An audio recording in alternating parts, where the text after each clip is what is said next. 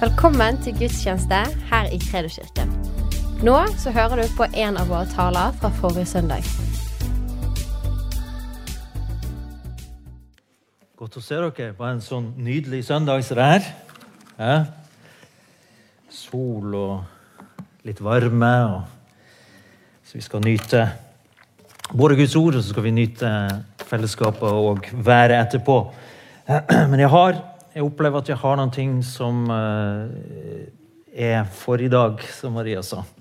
Vi er jo i en måned hvor vi eh, også kommer til å ha denne pinsekonferansen, og vi har fokus på det som skjer i verden, og også dette som har med endetiden, eh, hendelser å gjøre. Og jeg kommer til å dele et budskap. Det går tilbake igjen til sist søndag, når Aron hadde en sånn peptalk med medarbeideren her, så sa han en setning. Han opplevde at Gud hadde visst han eller sagt noen ting til han, og det var 'Jesus kommer'. Jesus kommer. Og Det ble liksom ledetråden som jeg tenkte det, det, er et tema som vi må snakke om og begynne å jobbe litt med. I hvert fall i denne sesongen her. Og, og Paulus han formante sønnen sin, eh, Timoteus, om å gi nøye akt på seg sjøl og på læren. Eh, så skriver han det at i 1. Tim 4,16.: Fortsett med det, for når du gjør det, skal du frelse både deg selv og dem som hører på deg. Så da skjønner vi at dette er ganske viktig. Eh, og så sier han også i samme kapittel litt tidligere, i vers, eh, kapittel 4, vers 6, så står det at, at vi skal nære oss, altså ta næring, åndelig næring til oss, ved troens ord og ved den gode lære. Vi har jo de som har fulgt med, har jo, vi har brukt en lang sesong på å vektlegge det med å forkynne Guds ord, tro på Gud, tro på Hans ord, og hvordan vi lever ut denne troen. Og Ankit kommer jo igjen her i uh, begynnelsen av juli for å, at vi skal styrke disse tingene. Men vi må også nære oss på den sunne lære. Hele boki! Ikke sant? Vi lever altså i en spesiell tid. Vi lever i 2023. Jeg husker når jeg var liten gutt, da pleide vi alltid å dra på ferie til Ålvik i Hardanger. Der bodde mormor og morfar. Og morfaren min, Olav, han jobba på fabrikken i Ålvik. Og eh, Han gikk jo da, eh, sto jo opp tidlig på morgenen, jeg tror han begynte klokka sju på morgenen, så det fikk jeg sjelden med meg. Men jeg visste det, at morfar kommer hjem klokka tre. Hvorfor visste jeg det når, som liten gutt? Jo, for da gikk sirenen på fabrikken. Og når jeg hørte den sirenen, så visste jeg nå kommer morfar! Og det var, Jeg gleder meg sånn. Og Jeg husker jeg syns de dagene var så lange. Det var liksom jeg lengta etter at en siren skulle gå, så morfar skulle komme hjem. For da visste jeg det var mye gøy som kom til å skje. Det var en egen stemning med morfar i huset. Jesus kommer. Det kommer til å gå en trompet. En siste basun. Lengter vi etter det? Har du lengta etter noen mennesker? Har du kjent på den følelsen og lengte? Jeg tror vi alle har det.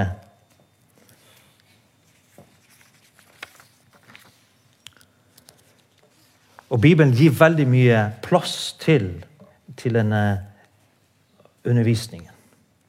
Dette at han kommer, han kommer snart, han kommer igjen for å hente sine. Kommer for å etablere sitt rike. Han kommer også for å dømme veien. Og I dag skal vi ta for oss noen ord som Jesus underviste til disiplene i Matteus 24 og 25. Og vi skal huske på det at Jesus var på vei til Jerusalem. Han skulle dø nå på korset. Det var påske, nærmer seg påske. Og eh, to dager før påske så delte han dette med dem. Eh, når Jesus nærmer seg da husker Han har vært i tjeneste over tre år, men nå nærmer det seg klimakset. Hans primære oppdrag som far hadde gitt ham. Og det var viktig for ham å understreke en del ting for disiplene. Han, være, han, var en god læremester. Han hadde lovt dem det kommer en endelig seier. Det kommer en ny det kommer en himmel. Det kommer en ny himmel og en ny jord. Men han måtte også forberede dem på de prøvelsene og testene som de kom til å gå igjennom. Og den kampen som de kom til å havne i. Og som en, bare som et enkelt bilde, en god fotballtrener Han maler for sine spillere. Så maler han liksom cupfinalen og, og gir dem liksom denne stemningen over å løfte pokalen og bruse uh, rundt stadion når de har seira. Men like fort som han har sagt det, så sier han glem det der. Nå må vi gjøre jobben. Nå må vi trene. En god trener fokuserer dag for dag hva du må gjøre for det som kommer. Beinhard trening. Fokus. Jesus kommer. Han har kommet, og han kommer igjen. Og La oss bare ta, tenke litt nå sammen. La oss ta utgangspunkt i at Jesus faktisk ble født i år null, når vår tidsregning begynte. Og at han, vi vet at han døde på korset når han var 33 år pluss. Og i så fall så blir det altså denne pinsen som vi går inn i, så er det 1190 år siden Jesus, siden Den hellige ånd ble utgyrt på jorden. Vi vet ikke nøyaktig når Jesus ble født. De leide strides om det, men det er ganske presist. Årstall. Det var da disiplene fikk denne flying starten. De fikk kraft og mot til å bli vitner, for Den hellige ånd kom over dem. Og De fikk et oppdrag av Jesus at de skulle gjøre disipler. Og de skulle gjøre disipler av alle etniske folkegrupper. Etnos, så det står på gresk. Så skulle de lære dem å holde alt det Jesus hadde befalt dem. Hvis vi tenker etter, så betyr det at vi passerer 2000 år etter Jesu død oppstandelse i 2033. Det er altså ti år til.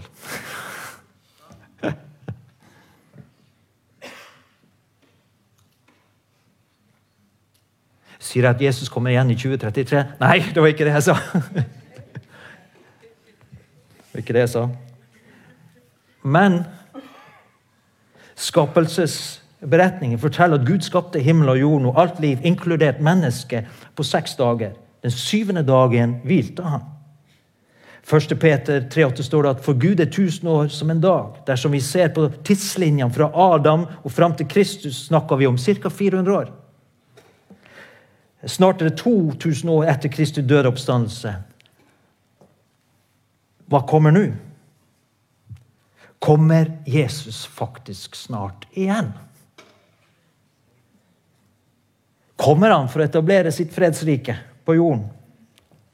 Hvor han skal herske ut ifra jorden fra Sion i Jerusalem. Det står at dette riket skal vare i 1000 år. Johannes' åpenbaring 20, vers 4-6. Nærmer vi oss denne syvende hviledagen? Og etter det, 1000 år, skal det komme en ny himmel og en ny jord. Spørsmålet er er vi virkelig så nærme hva Bibelen beskriver. I så fall, hva skal vi bruke tida på? Hva skal vi være oppmerksom på? Fordi at Jesus advarte disiplene sine flere ganger. Han sa at dere må holde dere våkne. Dere må være klar på alerten og vente deres mester og Messias når han kommer. Det er ingen som vet Jesus sa det igjen og igjen, det er ingen som vet nøyaktig dagen. Det kommer som en tyv om natten. Altså, det kommer overraskende. Men vær forberedt. Vær klar. Og Mitt poeng er ikke å gå inn i alle detaljer og forsøke å tidfeste eller forutse rekkefølgen på alle hendelsene som Bibelen snakker om. Det er andre som er mer eksperter på det. Men jeg vil heller gi, ta noen tips og ta til oss det som Jesus underviste disiplene sine om den siste tid, og hva vi måtte være oppmerksom på. For at vi skulle være våkne. Og Derfor så skal vi lese fra Matteus kapittel 24 og fra vers 3 til 14. Kan vi få det opp på skjermene? Da han satt på Oljeberget, og disiplene var alene med ham, kom de og spurte. Si oss, når skal dette skje? Og hva er tegnet på ditt komme og en verdens ende? Så dette var høyaktuelt for disiplene også. Jesus tok til orde og sa, pass på at ikke noen fører dere vil. For mange skal komme i mitt navn og si 'Jeg er Messias', og de skal villede mange. Dere skal høre om kriger, og det skal gå rykter om krig. Se da til at dere ikke lar dere skremme, for dette må skje, men ennå er ikke enden kommet. Folk skal reise seg mot folk og rike mot rike, og det skal være hungersnød og jordskjelv mange steder. Men alt dette er bare begynnelsen på fødselsvenet. Da skal de utlevere det til forfølgelse, slå dere i hjel. Ja, dere skal hates av alle folkeslag for mitt navns skyld. Da skal mange falle fra, og de skal angi hverandre og hate hverandre. Mange falske profeter skal stå fram og føre mange vill. Og fordi lovløsheten tar overhånd, skal kjærligheten bli kald hos de fleste, eller hos mange, står det i en annen oversettelse. Men de som holder ut til enden, skal bli frelst. Og så kommer det Og dette evangeliet om riket skal forkynnes i hele verden til vitnesbyrd for alle folkeslag, og så skal enden komme. Men skal vi gå gjennom dette her steg for steg? To steder, og jeg har lyst til å starte der. To steder så advarer Jesus disiplene. Han sier, 'Pass dere for andre Kristuser' Og pass dere for de falske profetene. Vi vet jo gjennom hele historien har det oppstått falske profeter. Helt siden Jesus underviste disiplene, så har det kommet med jevne mellomrom ulike personer som kanskje har hevda å være Kristus, eller de hevder at de taler på vegne av Kristus. Eller de er åpenbart falske profeter. Men du vet at for oss i dag, hvis vi tar det til vår tid, så er det jo ikke den, For han snakka til disiplene. Pass dere på at dere ikke blir forført. Han snakker ikke først og fremst om de i verden, han snakker om de kristne. Han snakker om disiplene sine. Pass på at dere ikke blir forført. Den store faren for oss meg og deg i dag er at vi skal bli forført av Buddha eller Hare Krishna eller Mohammed, det er ikke vår utfordring i dag som troende. Faren for de kristne Du snakker om oss, men du snakker også generelt om kristne i alle sammenhenger. Det er de som står fram og underviser og forkynner i Jesu navn. De kommer ut av våre sammenhenger. De kommer ut av den kristne kirke. Men de, kjenner, de bekjenner troen på Jesus. Men de legger et annet innhold i troen og i læren. Det er det som er så besnærende. Første Johannes brev, kapittel 2, vers 18 og 19, så står det Dere barn, det er den siste time. Så den gangen, den første generasjonen, de levde som det er den siste time. Nå kommer han snart! Og det var sant. For en dag er som tusen år for Herren.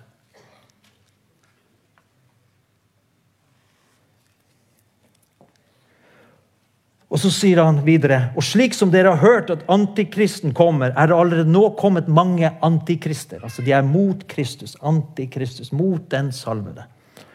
Og av dette vet vi at det er den siste time. Det at det kommer, er et tegn, sier Jesus, på det, eller Bibelen på at det er den siste time. Så står det noe underlig. De gikk ut ifra oss, men de var ikke av oss. For hadde de vært av oss, ville de ha fortsatt sammen med oss. Men de gikk ut for at det skulle bli åpenbart at ingen av dem var av oss. 2. Peter 2, vers 1 og 2. Fordi at Jesus advarte om dette to ganger, så tar jeg to bibelvers. 2. Peter 2, 1 og 2. Men det sto frem falske profeter blant folket. Slik det også skal komme, sier Peter, falske lærere blant dere. Nå snakker han til menigheten. Nå snakker han til disiplene. I hemmelighet skal de føre inn falsk lærdom som leder til fortapelse.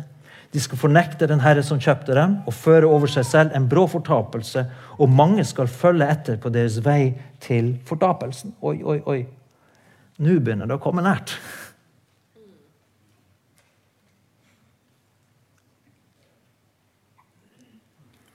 Så hvis vi tar det inn i vår kontekst i dag, så er det altså ikke først og fremst kultureliten i Norge som er av denne verden, som ikke kjenner Kristus, som er forblindet, som er den største fare for Guds menighet. Det er heller ikke politikere som er på villspor, som ikke skjønner at det fins en høyere autoritet enn dem. Det er ikke den største fare.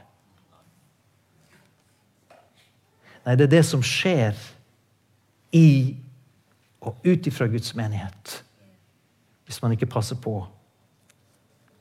Der må vi være våken. Hvilke utsagn skal du være våken på? Hva har vi lært gjennom historien?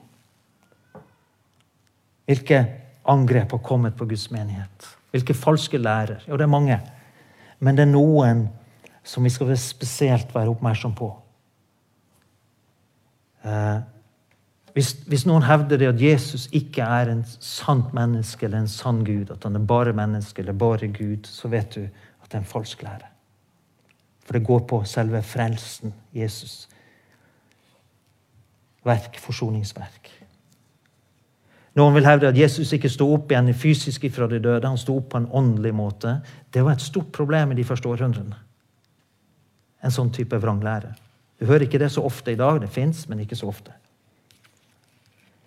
Eh, man benekter liksom Faderen, treenigheten, Faderen, Sønn og Den hellige ånd. Men i vår tid så hører du også kjente kristne sangere, prester, som sier at det fins ingen fortapelse. Når du hører det, så skal varsellampene gå opp og lyse. Hvorfor det? Hvis det ikke fins noen fortapelse, død, hvorfor døde Jesus da? Da var det helt unødvendig for Jesus å dø på korset. Gå ned i graven hvis det, var, ingen, hvis det var ingenting å berge oss ifra.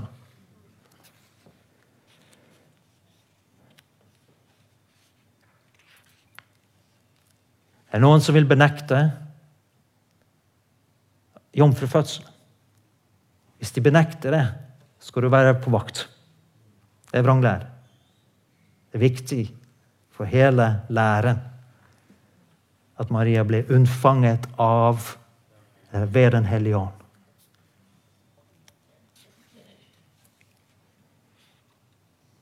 Men så har vi også noe veldig Jeg skal prøve å si det her så forsiktig og så tydelig som jeg kan. Vi har også noe som er veldig besnærende i vår tid. Det er når kristne, om de kaller seg liberalteolog eller konservativ kristen, så begynner å leke med det at det er ikke viktig om du er mann eller kvinne eller noe midt imellom. Det kan du velge. Det spørs hvordan du føler deg eller hvordan vi praktiserer seksualiteten vår. Om det er utenfor ekteskapet, er ikke viktig. Om det er sam sammen med noen av samme kjønn eller motsatte kjønn, det er opp til deg. Det kan du velge. Om det er en eller flere partnere, ja, det kan diskuteres om det er riktig eller galt. Og de forsvarer sitt syn med Bibelen i hånd.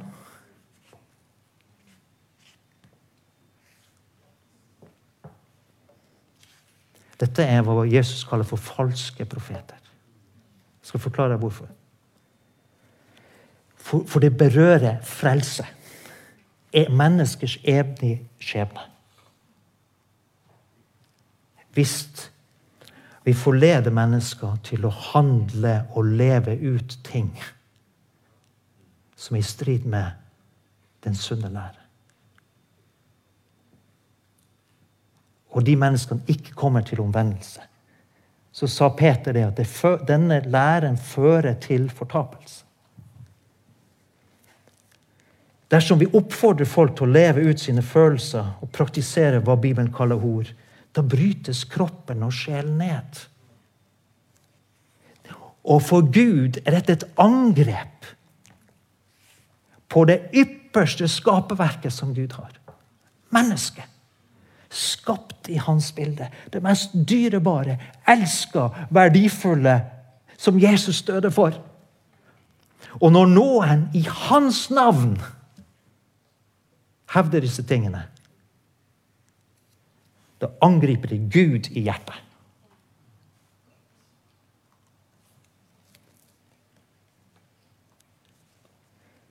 For kroppen og sjelen og ånden er skapt av Gud, og den er hellig for Han. Hva er det Jesus tar tak i? Det er de falske lærerne. Det er de falske profetene. Men jeg skal si deg, Guds nåde og barmhjertighet med mennesker som kjemper med disse tingene, den er ubegrensa.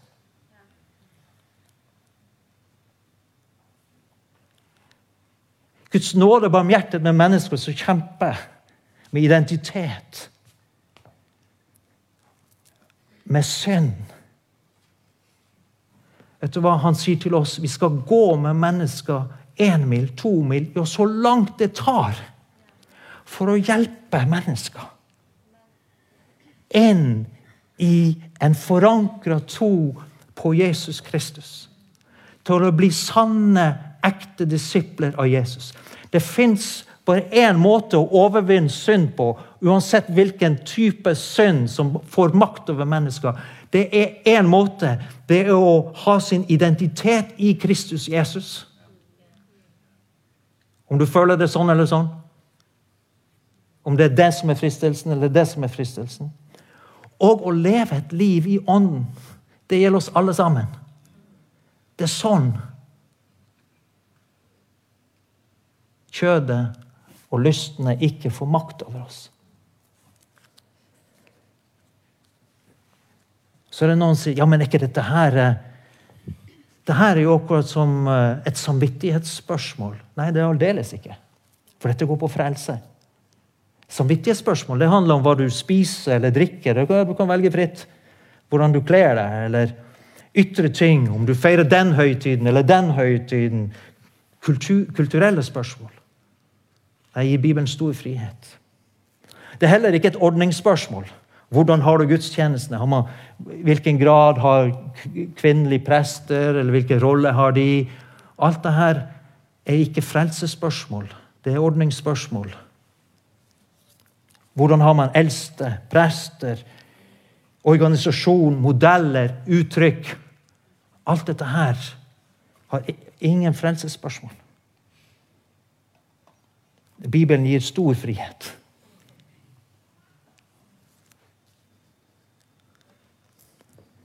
Men vi må ikke endre på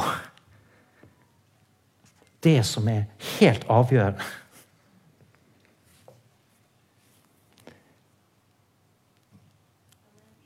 Er dere med? Og her kjenner jeg en sånn her djupt alvor. At vi må våke over våre liv. Våke over Guds menighet og være veldig tydelige. Det er ikke vår business å fordømme mennesker. Denne verden er fortapt om å bli frelst.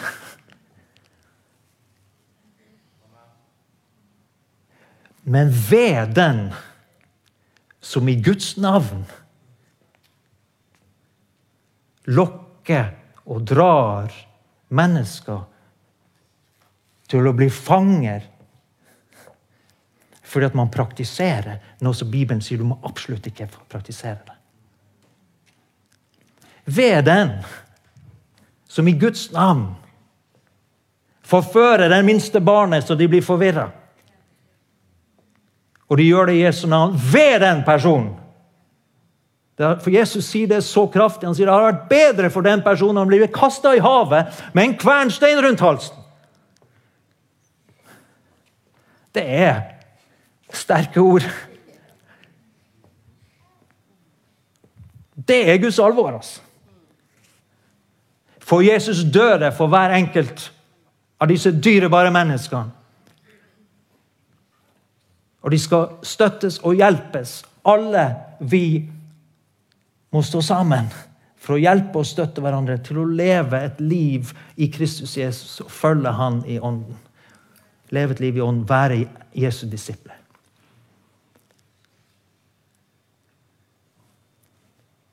Men Jesus To ganger så advarte han disiplene sine. Pass på disse tingene. Han sa det kommer kriger og rykter om krig. Det har det vært i 2000 år nå. Og det pågår fremdeles. Så det vet vi. Det er en del av det som kommer til å være endetiden.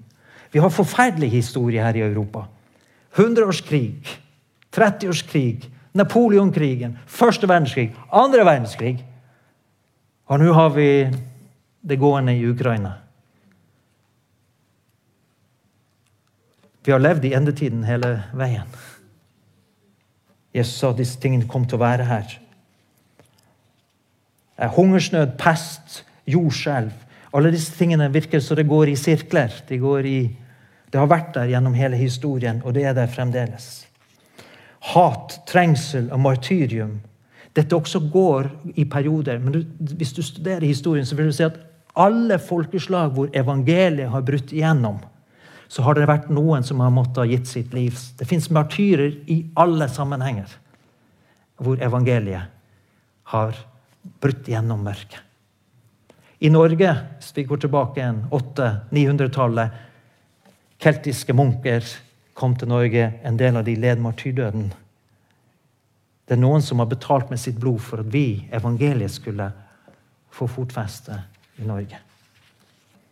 Og det er Våre venner rundt omkring i verden, tenker jeg, i Midtøsten spesielt, en del av de lever med en konstant fare for livet sitt fordi at de forkynner evangeliet. Her står det også, sier Jesus, lovløsheten tar overhånd, kjærligheten blir kald hos mange. Også dette har gått i sykluser gjennom historien. Vet du, I Nord-Afrika, i de første århundre, evangeliet gikk fram som en ild. Men så kom det splittelse, så kom det inn vranglære, så kom det inn falske lærer.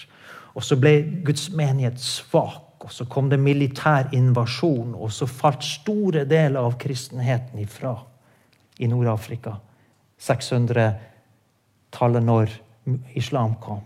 Bare i Egypt kopterne klarte å holde stand. Og noen få andre små grupper. Ellers så ble de utradert.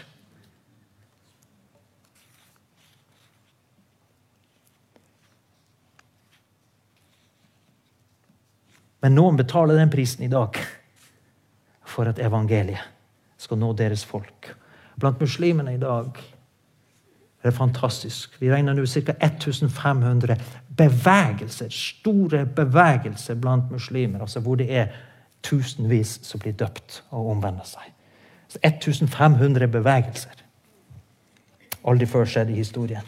Helt unike tider. Men de betaler med blod.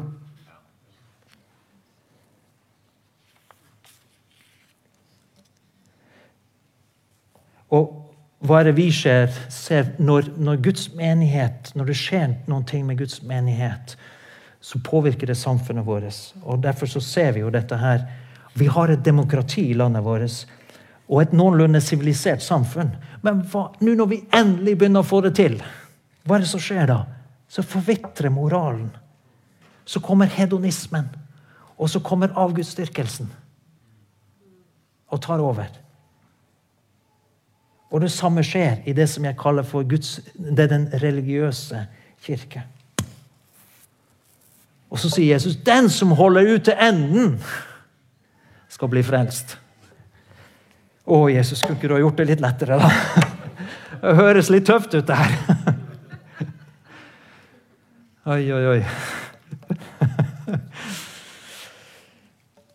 Ja. Men så kommer det, så avslutter han med evangeliet om riket skal bli forkynt i hele verden. Og her kommer jo godsakene.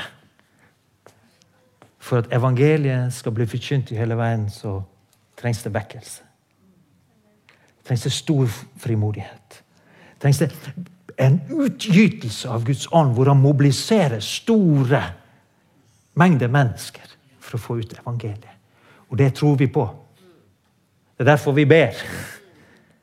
For vi tror at evangeliet skal nå til alle jordens folk, og at Norge kommer en ny bevegelse over Norge, sånn at alle nordmenn skal få høre det rene og klare evangeliet, og ikke et giftig såkalt evangelium. Derfor må det komme splittelse. Derfor må det komme utskillelse. For at det ekte skal skilles fra det falske. Smertefullt, men helt nødvendig. Skal vi være med? Hvis, er, hvis vi er så nærme som, som matematikken uh, foreslo så jeg hadde tidligere så uh, Men det er fullt mulig å nå alle folkeslag i vår generasjon. Det er det. Med alle hjelpemidler og teknologi som vi har i dag, så er det fullt mulig. Og Hvis vi fortsetter i, i dette kapitlet, så fortsetter Jesus å snakke faktisk om eh, ja, så snakke om en intensiv periode. Helt på slutten av endens tid. Så kommer han tilbake igjen til dette med falske Kristuser, falske profeter. De skal gjøre store tegn og under. La deg for alt i verden ikke forføre av sånne ting. Men hva lærer de? Hvordan lever de? Hva praktiserer de?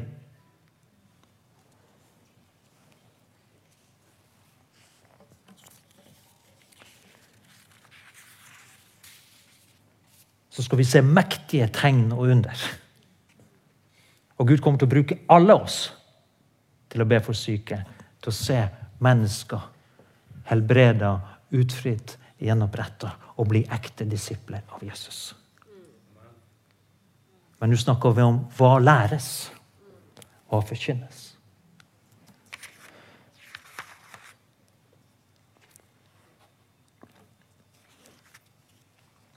Og så har jeg lyst til å avslutte, Vi skal gå inn for landingen, men hvis du ser hele disse to kapitlene i sammenheng, så gjentar Jesus altså pass på at dere er våken, for at dere kjenner ikke timen og stunden når menneskesønnen kommer.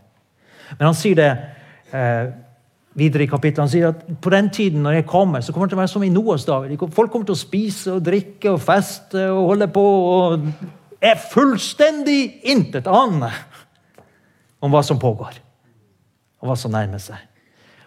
De må vi vekke opp ved Guds nåde og hjelp, så de får en reell sjanse til å omvende seg. Og sånn var det. Flommen kom plutselig over folkene på Noas tid. De var ikke forberedt. Plutselig kom det. Så folkens, hva skal vi gjøre? Og Jeg har lyst til å lese teksten som Jesus fortsetter med. Han snakker om den trofaste og den onde tjener. Vers 45, 24, 45-51. Kan vi få den opp også? Så står det, Hvem er da den tro og kloke tjeneren som Herren har satt over de andre tjenerne for å gi dem mat i rett tid? Og så sier han noe vidunderlig her. Lykkelig er den tjeneren som Herren finner i arbeid med dette når han kommer tilbake. Sannelig, jeg sier dere, Herren skal sette ham over alt han eier. Hører du hva Jesus sier for noen ting? Han sier 'fortsett å gi mat'. Fortsett å ta hånd om hverandre. Du Life-gruppeleder, fortsett å ta hånd om den flokken din. For hvis du gjør det som, som Faderen har satt deg til, så skal du bli satt overalt. Lover Jesus. Om det er lenge eller passe langt til Jesus kommer igjen, fortsett! For når Jesus finner oss i ferd med dette her, det er ingenting som kommer til å glede ham mer. At vi gir mat og tar vare på folket. De som er i ferd takk skal du ha, de som er i ferd med å gjøre sånne ting, når Jesus kommer igjen, kommer han til å sette over alle. Alt. Og så gir han en advarsel igjen. altså Den som glemmer at han kommer, eller så gir seg til å drikke og herje på og slå sine tjenere ved den personen, sier Jesus. Og så fortsetter han. Neste lignelse. Det handler også om endetiden. De ti jomfruer. Fem av dem hadde olje på lampene. Fem av dem hadde ikke olje. Hva handler det om? Det handler om vær, hold deg varm. Bli fylt med Den hellige ånd igjen og igjen. Hold kjærligheten til Jesus levende. Han kommer, han kommer, han kommer! Om det drøyer litt, så kommer han. Hold deg varm! Så du har olje på lampene. Ja. Det er jo det det handler om. Han snakker om endetiden. Før brudgommen kommer. Og så hva fortsetter han å med? Så fortsetter han med lignelsen om den med talenter. Han sa mesteren dro bort til et fremmed land. Han ble lenge borte. Men han ga fem talenter til én. To talenter til en annen. Én talent til én. Så sa han arbeid, forvalt disse talentene. Penger, jobb, arbeid. For Guds ære. Fortsett med det. Bruk de gavene du har. Gjør det! For når Herren kommer igjen, så kommer han til å lønne deg. Ikke vær som den siste som 'Jeg har bare fått ett talent.' Og så gravde han det ned i jorda. Nei, bruk det ene talentet. Om du føler at du har bare ett. Halleluja. Mindre bekymringer enn han som har fem. Han har så mye å holde på med! Han har det så travelt! Han har så stort ansvar! Å, takk Gud, ett talent. Å, deilig.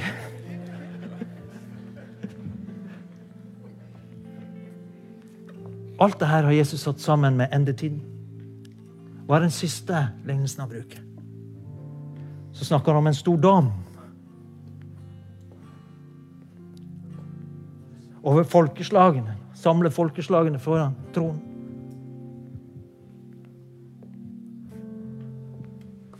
Så står det at han skiller fårene og geitene. Og så berømmer han det virka som de som var der, de visste ikke liksom hvorfor, hvorfor er vi eh, blant fårene, Jesus. Jo, sa han, fordi dere ga mat til den som trengte mat. Dere ga drikke til den som trengte drikke. Dere tok imot en fremmede, en som var på villspor. Den som var uten retning og mening i livet, tok dere imot. Dere besøkte den syke. Dere besøkte den som var i fengsel. Kom inn til min fars herlighet. For det dere gjorde mot meg, nei, gjorde mot dem, det gjorde dere mot meg. For de lurte hvem Ja, men det var jo det var jo naturlig for oss å gjøre det. Så Vite Dere gjorde det mot meg, sier Jesus. Så den negative siden. De som ikke gjorde det. Det skal vi holde på med endetiden. I mat, drikke, klær. Ta hånd om de fattige, de som er i nød.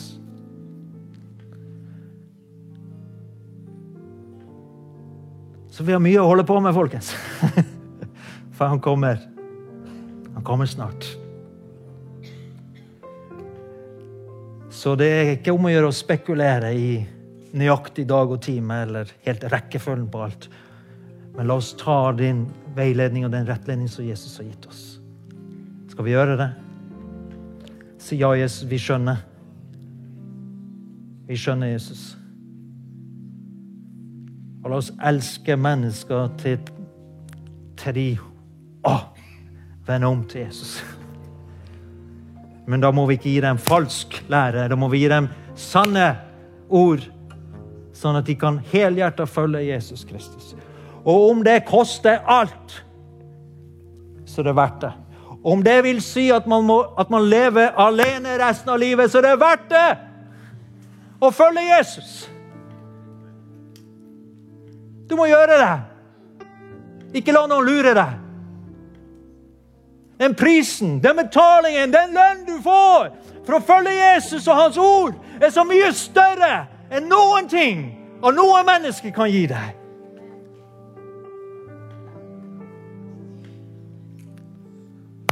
Han vet hva han snakker om. Jesus vet hva han snakker om.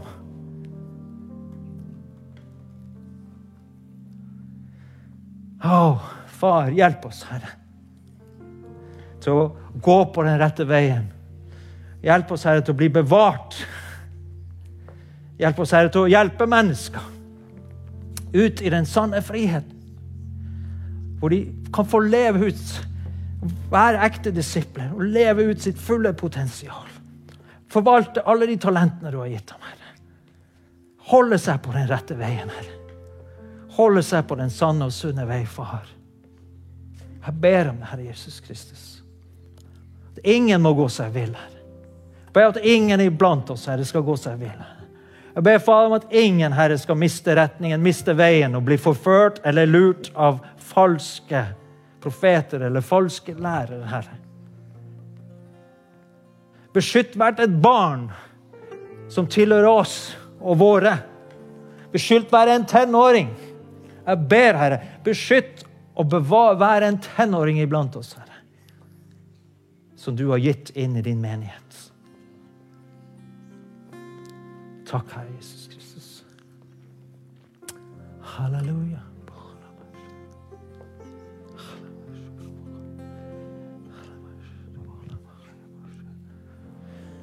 Oh, Jesus, jeg takker deg, priser deg. Jeg skal si det, Når vi følger Jesus på disse tingene og tar Hans ord på alvor, så frigjøres også Guds kraft. Hvis vi går på kompromiss med sånne ting, så uh, hindrer det. Sett stopper det Guds kraft. Halleluja, Fader. Takker deg, Jesus Kristus. Du vet, Herre, vi alle er totalt avhengig av din nåde. Takk, Herre, for at du renser oss igjen og igjen. Takk for at du tilgir oss våre synder, Herre. Og så bøyer vi oss for deg vi bøyer oss for ditt ord, så sier vi du har rett, Herre. Du vet best. Vi vil følge deg. Vi vil følge deg, Herre. Takk, Herre Jesus Kristus, for du har satt oss i frihet. Og vi, vi ser, vi ser seieren, Herre. Vi ser jubelen. Vi ser brølet fra stadion, Herre. Og vi gleder oss, Jesus, til du kommer igjen. Jesus, kom! Kom, Jesus. Kom! Halleluja, oh Jesus.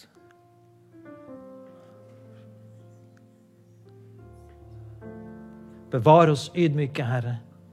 Bevar oss sanne. Jeg ber om det, Herre.